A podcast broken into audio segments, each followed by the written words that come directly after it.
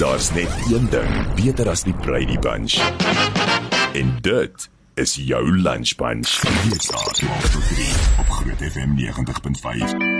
So die rolprent Everything Everywhere All at Once het skoonskip gemaak by die 95ste Oscar toekenninge en bekende legendariese Suid-Afrikaanse resensent Leon van Nierop was vanoggend so 2 uur al eintlik al voor 2 wakker op en wakker en voor die kassie om hierdie gebeurlikhede dop te hou.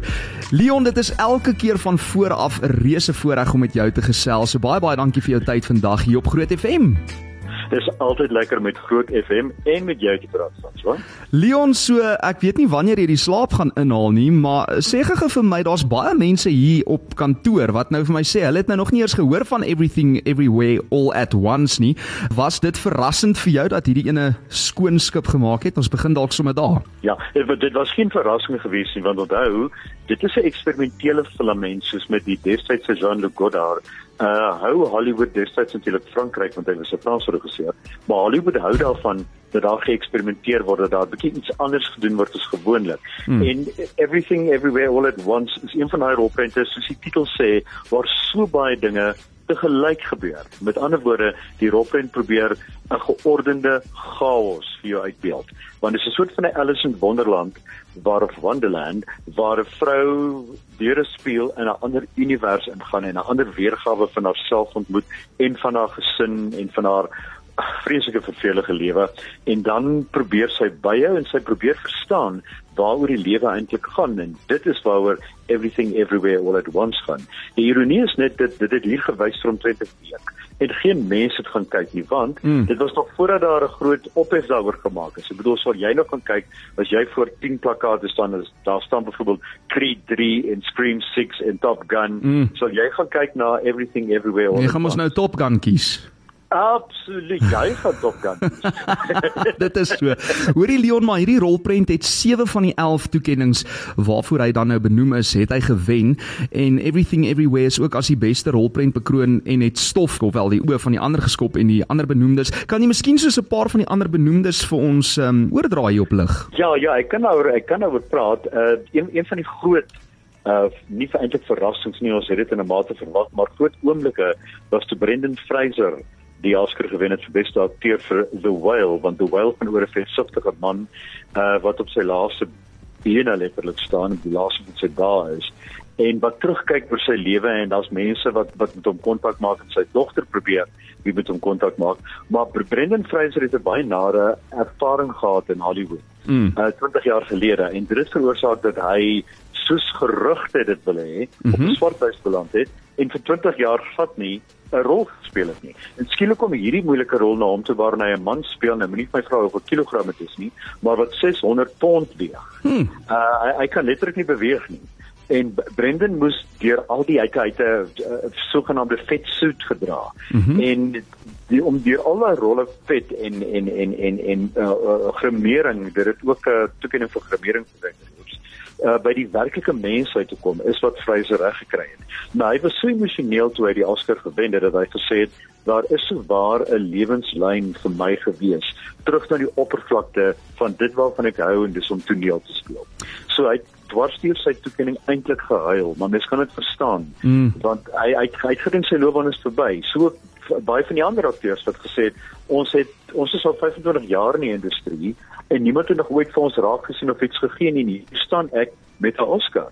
En dit is baie pragtig geweest dat baie akteurs, byvoorbeeld Jamie Lee Curtis wat ons kan maar sê Hollywood koninklik is of Hollywood royalty is. Hmm. Daar gestaan het haar arms oopgegooi en gesê I've won an Oscar. Wel, en 'n hele paar mense het dit gesê en uh, ek dink nie mens weet hoe voel dit François om daar te staan en jy staan met die Oscar in jou hand en jy het wragtig 'n Oscar gewen want vir die res van jou lewe gaan jy benoem word as of of of vir dat mense van jou gaan praat as die bekroonde Jamie Lee Curtis, die bekroonde Brendan Fraser. Mm.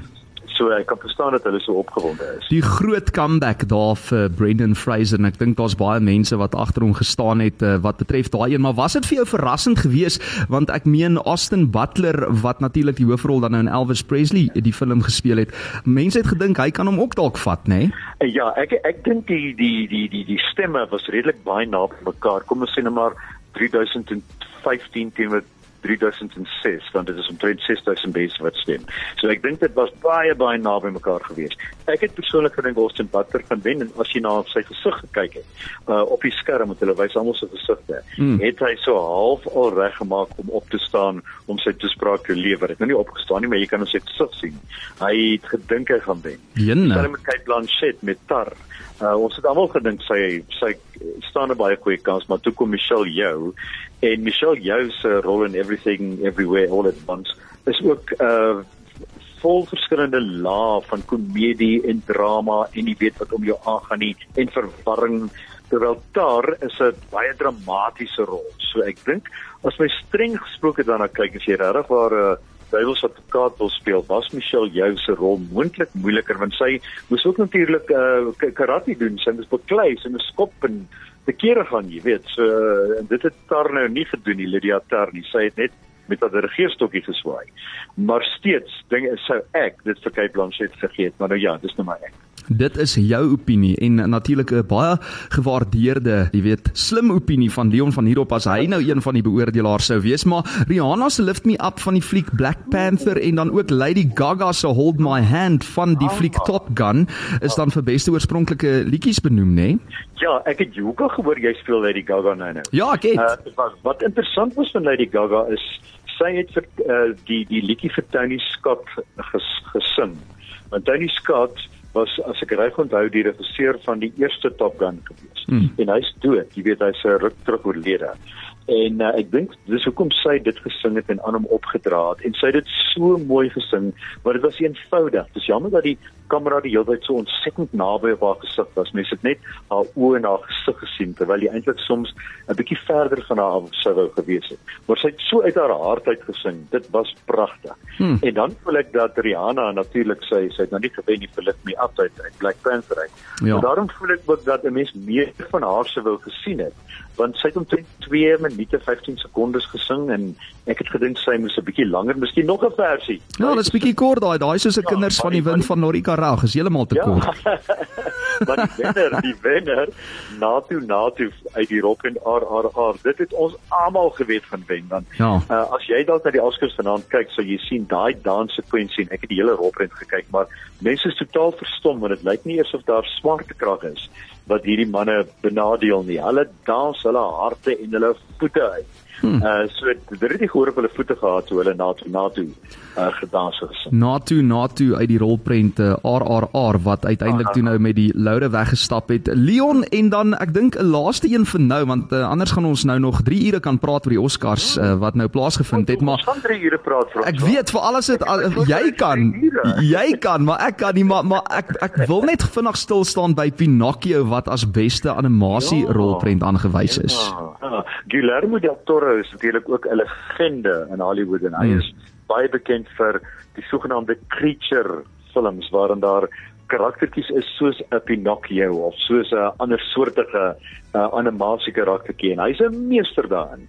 So Pinocchio se verhaal is nou al hoeveel keer oorvertel. Ek ek dink net Romeo en Juliet is meer oorvertel as dit.